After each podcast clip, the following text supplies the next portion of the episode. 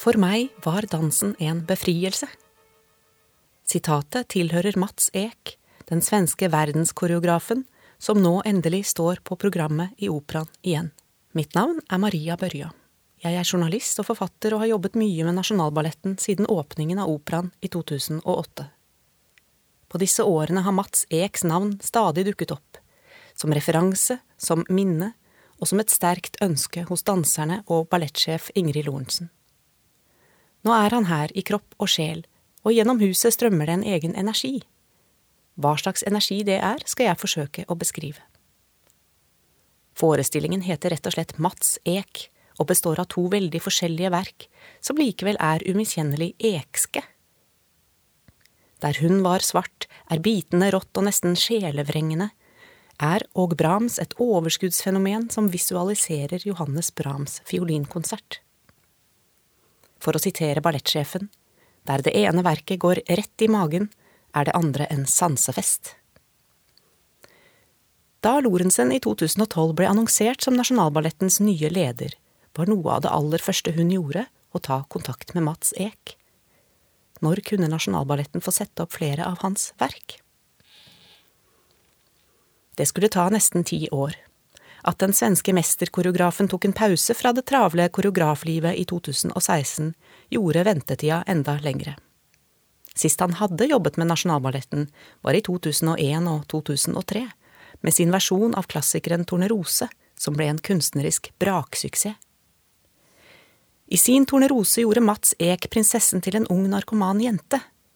Den onde heksa Karaboss ble omgjort til en mannsrolle som ga Tornerose det første sprøytestikket. I andre akt danset de en pas de deux i narkorus. Kritikerne jublet. Klassekampens Guri Pale Glad skrev for eksempel det koreografiske språket til Ek er en herlig blanding av moderne uttrykk, lekre arabesker, piruetter og de mest fantasifulle og frekke grep som er så typisk for Ek. Det blir aldri kjedelig, og det er samtidig uhyre utfordrende for danserne. Det er også svært musikalsk over hele linjen. Før hadde Nasjonalballetten danset Eks Soveto og Bernardas hus i 1981 og 1986. Også disse ballettene som på hver sin måte portretterer makt og maktmisbruk, ble særdeles godt tatt imot. Men historien om Nasjonalballetten og Mats Ek kan ikke fortelles uten Birgit Kullberg, Eks berømte ballettmor. Allerede i 1959 danset Nasjonalballetten hennes Medea, og siden fulgte balletter som Månerenen og Frøken Julie, blant annet. Birgit Kullberg var en av dansens pionerer. Etter å ha studert litteratur og kunst, danset hun i England før hun under andre verdenskrig kom igjen til Sverige og begynte å koreografere egne soloer. Hun ville skape dans av litteratur, og fikk sitt gjennombrudd i 1950 med sin versjon av August Strindbergs stykke Frøken Julie. En ballett danset på tåspiss, men med et moderne uttrykk. I 1967 startet hun kompaniet Kullbergballetten. De turnerte mye innenlands, og snart like mye utenlands. I tillegg begynte Kullberg å lage ballett for TV. Og sammen med skuespilleren Anders Eek fikk hun tre barn. Anders Eek var kjent for sin særegne stemme, sin sterke fysiske utstråling og de mange samarbeidene med regissøren Ingmar Bergman, i teatret, men også på film. Kullberg og Eek tilhørte venstresiden og en kunstnerisk svensk avantgarde. Anders betydde mye for min intellektuelle utvikling, har Mats Ek senere fortalt. Birgit var mer primitiv, intuitivt treffsikker og kunsthistorisk veldig kunnskapsrik. Ikke minst har han fortalt at han ofte sovnet under middagsbordet til lyden av de voksnes stemmer.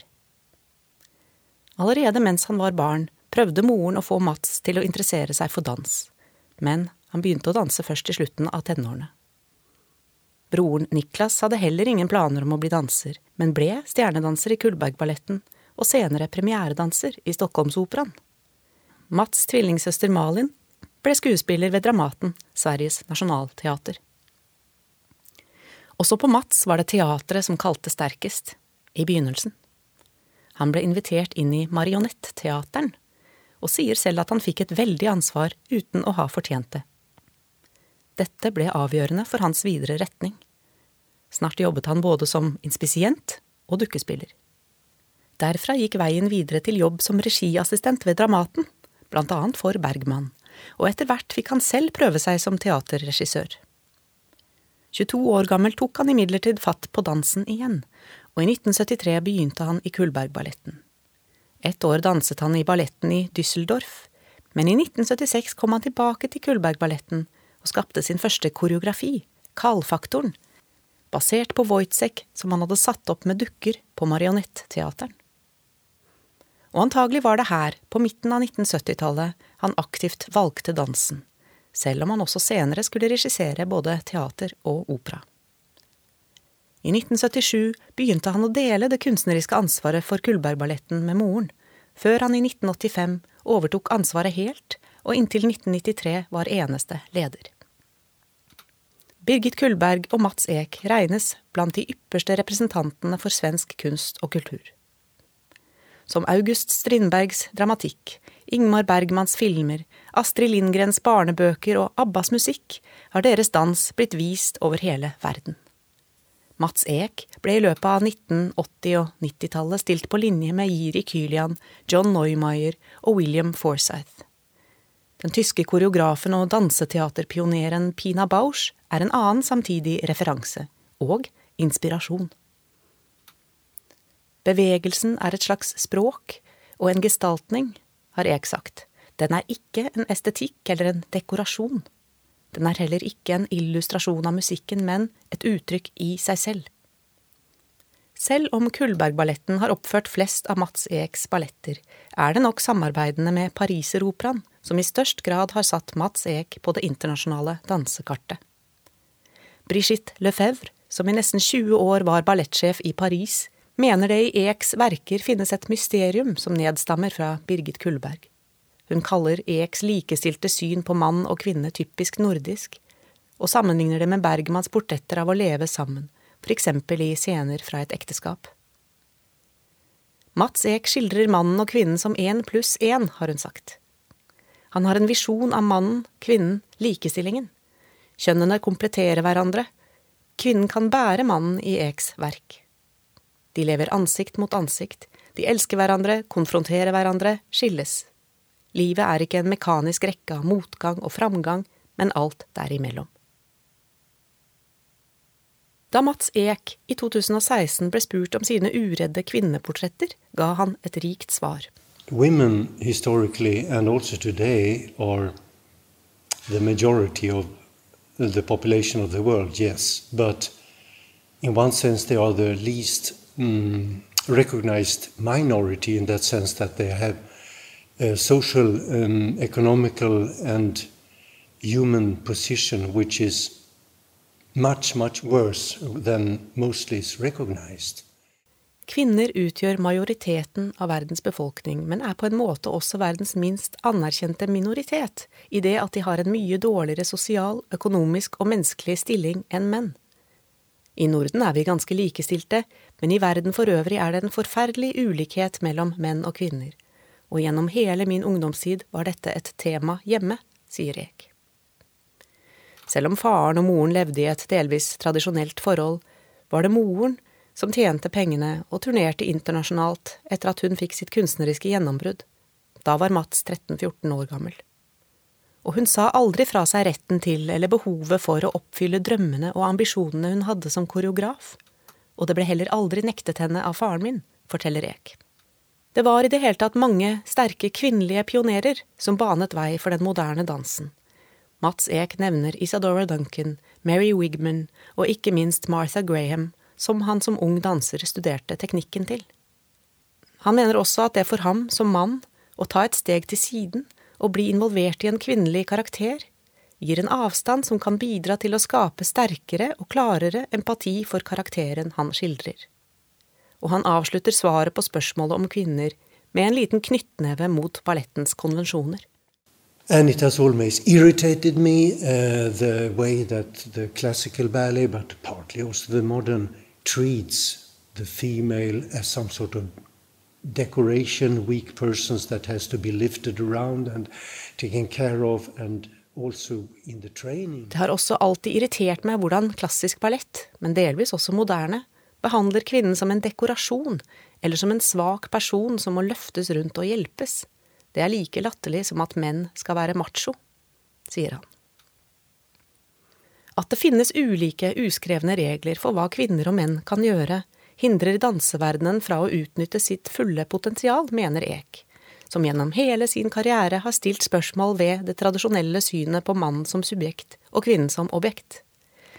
Som nevnt er det hos Eek ikke uvanlig at en kvinne løfter en mann. Det skjer vel aldri i klassisk ballett, og er også uvanlig i moderne ballett.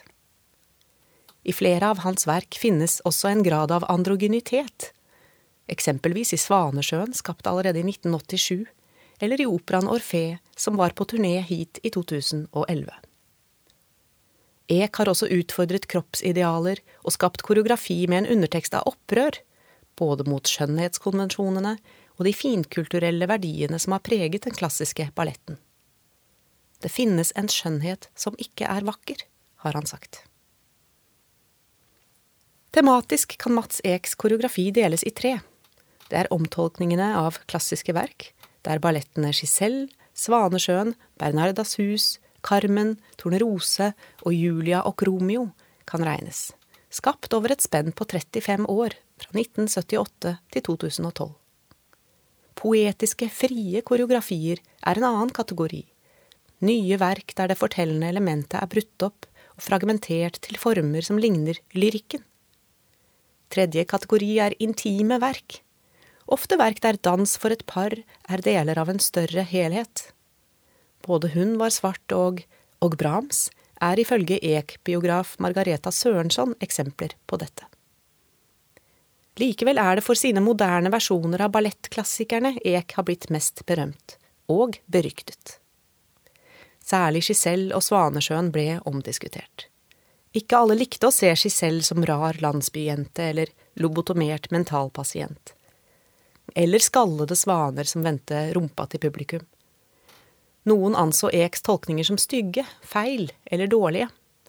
I dag er publikum mer vant til alternative og til dels frekke nytolkninger av disse klassikerne, for eksempel Svanesjøen med mannlige svaner eller Danset i vann. Selv sier Ek at han aldri mente å gjøre narr av ballettklassikerne. Tvert imot, han har stor respekt for tradisjonen og mener den er viktig å bevare. Hvorfor? Jo, for det første bærer den klassiske balletten som teknikk og treningssystem på en stor og verdifull kunnskapsarv. Men han vil også ta vare på repertoaret, forutsatt at det tas på alvor, sier han. Den klassiske balletten må ikke gjøres som en bravuroppvisning, men brukes for det den har å si. Og hva er det? Jo, den klassiske tradisjonen bygger ofte på eventyr, eventyr man i dag kan kalle søte, forteller Ek. Men da de ble til fra midten av 1800-tallet, var eventyrverdenen dels mer grusom og dels mer tatt på alvor. Det alvoret finnes skjult i de klassiske eventyrballettene, med liv og død, sjalusi, ondskap, godhet. Visselig i klisjéformer, men grunnsteinen er en erfaring av livet. Og om det alvoret får være med, er det klassiske repertoaret viktig å holde kontakt med. Verken Og Brahms eller Hun var svart bygger på eventyr eller har den klassiske fortellende buen som Eks moderne klassikere har. Men i Hun var svart møter vi karakterer som mamma, pappa, et ungt par, og vi aner kanskje en slags fortelling. I Og Brahms får vi høye løft og svev som springer ut av den klassiske balletten. Og Brahms het Rettika da balletten ble skapt i 2008, og var Mats Eks forsøk på å koreografere Johannes Brahms fiolinkonsert i d-moll. Eh, och den gjorde jag kanske med en annan ambition än vanligtvis, eh, nämligen att eh, koreografera musiken som sådan. Jag har ju haft för ovana att göra dramatiska verk eller verk som kombinerar dramatiska situationer. Och i det här fallet så var musiken så att säga den dramatik som jag ville försöka skapa koreografi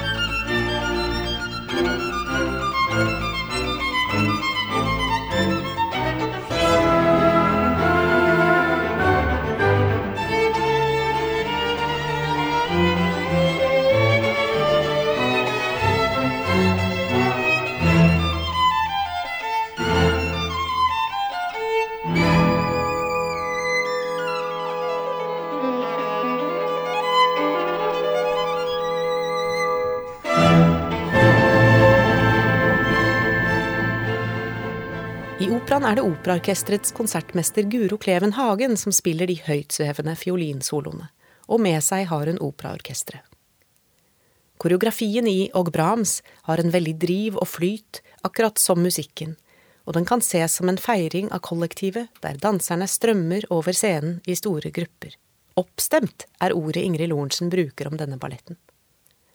Fest og festivitas er det også i kostymene, der hver danser har sitt individuelle uttrykk. Kvinnenes kjoler har moderne mønstre og sterke farger, og det lekes med den klassiske tytyen. Kostymene blir en slags komposisjon av nakenheten, mener Mats Eek, der de utkledde personene får lyse som insekter. Et langt mørkere verk får vi i Hun var svart, mye grunnet musikken, som er den polske komponisten Henrik Koreskis stykke Quasi una fantasia for fire strykere.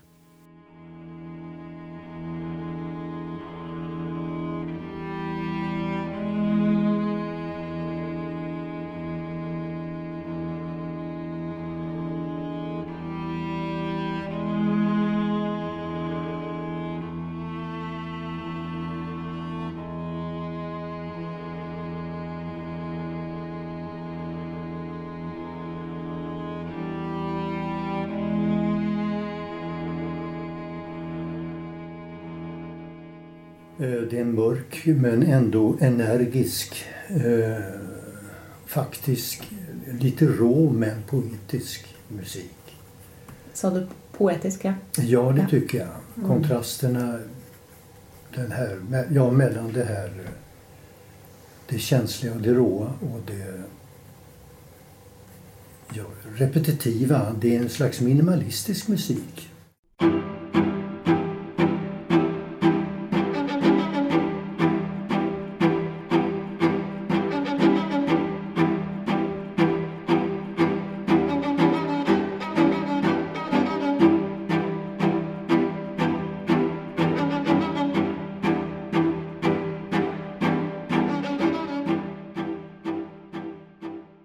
Den musiken var absolut upprinnelsen till Hon var svart. Och i det inläste jag konkreta situationer som växlar mellan mera interiörliknande sådana och exteriörliknande. Det finns en spännvidd mellan det privata och det sociala, om jag så får säga, i den balletten. Mm. Även om det inte är en traditionell dramaturgisk båge så bygger de här situationerna vartefter en slags samband. Och varför då hon var svart? Jo, eh, Beppe Wolgers var ju en skämtare, en begåvad skämtare som eh, levererade en anekdot. Jag mötte Gud i natt. Ah, hur såg han ut? Ja, hon var svart. Och jag är själv inte alls religiös, eh, tvärtom skulle jag vilja säga. Men jag tycker att den berättelsen är genial i sin slagfärdighet men också att den pekar åt ett helt annat håll. Inte uppåt och bortåt utan ner eh, på någonting osett, någonting föraktat, någonting litet, bortglömt eller hotfullt som man inte vill ta tag i. Eh, och därför använder jag den eh, metaforen då för en varelse som under ballettens gång kravlar omkring och snubblas på men aldrig ses. Förrän hon på slutet brer ut sina vingar om jag får kalla det för det. Her i Norge kjenner vi Beppe Wolgers best som pappaen til Pippi.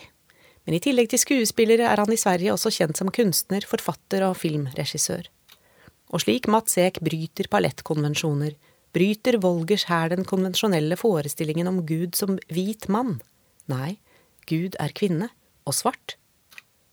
Også i Eks Giselle fra 1982 kravler en figur over gulvet, skjult av et laken. Det er Giselle, som i andre akt bor på mentalsykehus. I Hun var svart, skapt 13 år seinere, brukte Ek dette bildet igjen.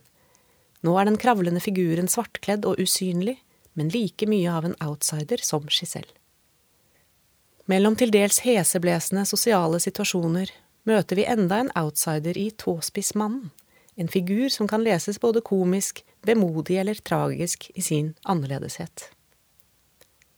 I Hun var svart ser vi også eksempler på hvordan Ek noen ganger blander replikker inn i dans, selv om de i denne balletten er mer lyder eller utrop enn ord. Kullbergballetten beskriver Hun var svart som et surrealistisk danseeventyr i samme ikke-fortellende stil som flere av Eks seneste verk, med en scenografi som gir assosiasjoner til en begynnende oppløsning. Da jeg leste beskrivelsen for Ek i høst, humret han. De sier surrealistisk, men jeg syns nok balletten er veldig realistisk. I scenografien ser vi bordet, som Ek har brukt i flere av sine balletter. Bordet kan representere familien, det trygge fellesskapet der barnet kan sitte og drømme seg vekk, slik Mats Ek ofte selv sovnet under middagsbordet. Men bordet med sine fire bein er også som et dyr, et vesen, har Ek sagt. Bordplata kan bli til en liten scene på scenen, men også et tak, med et lite inni under. Bordet både forener og skiller, det kan bli en partner, iblant en fiende. Det er lett å kjenne igjen Mats Eks dans, skriver Margareta Sørensson. Den rake hånden som forlenger danserens arm, de vinklede føttene, de lave linjene for bein og underkropp. Lett er det også å kjenne igjen Mats Eks verden, kjenne igjen og kjenne seg hjemme i en bildeverden der eventyr og virkelighet møtes. Betrakteren kan gå inn i en merkelig stemning av uvirkelig virkelighet, mener hun.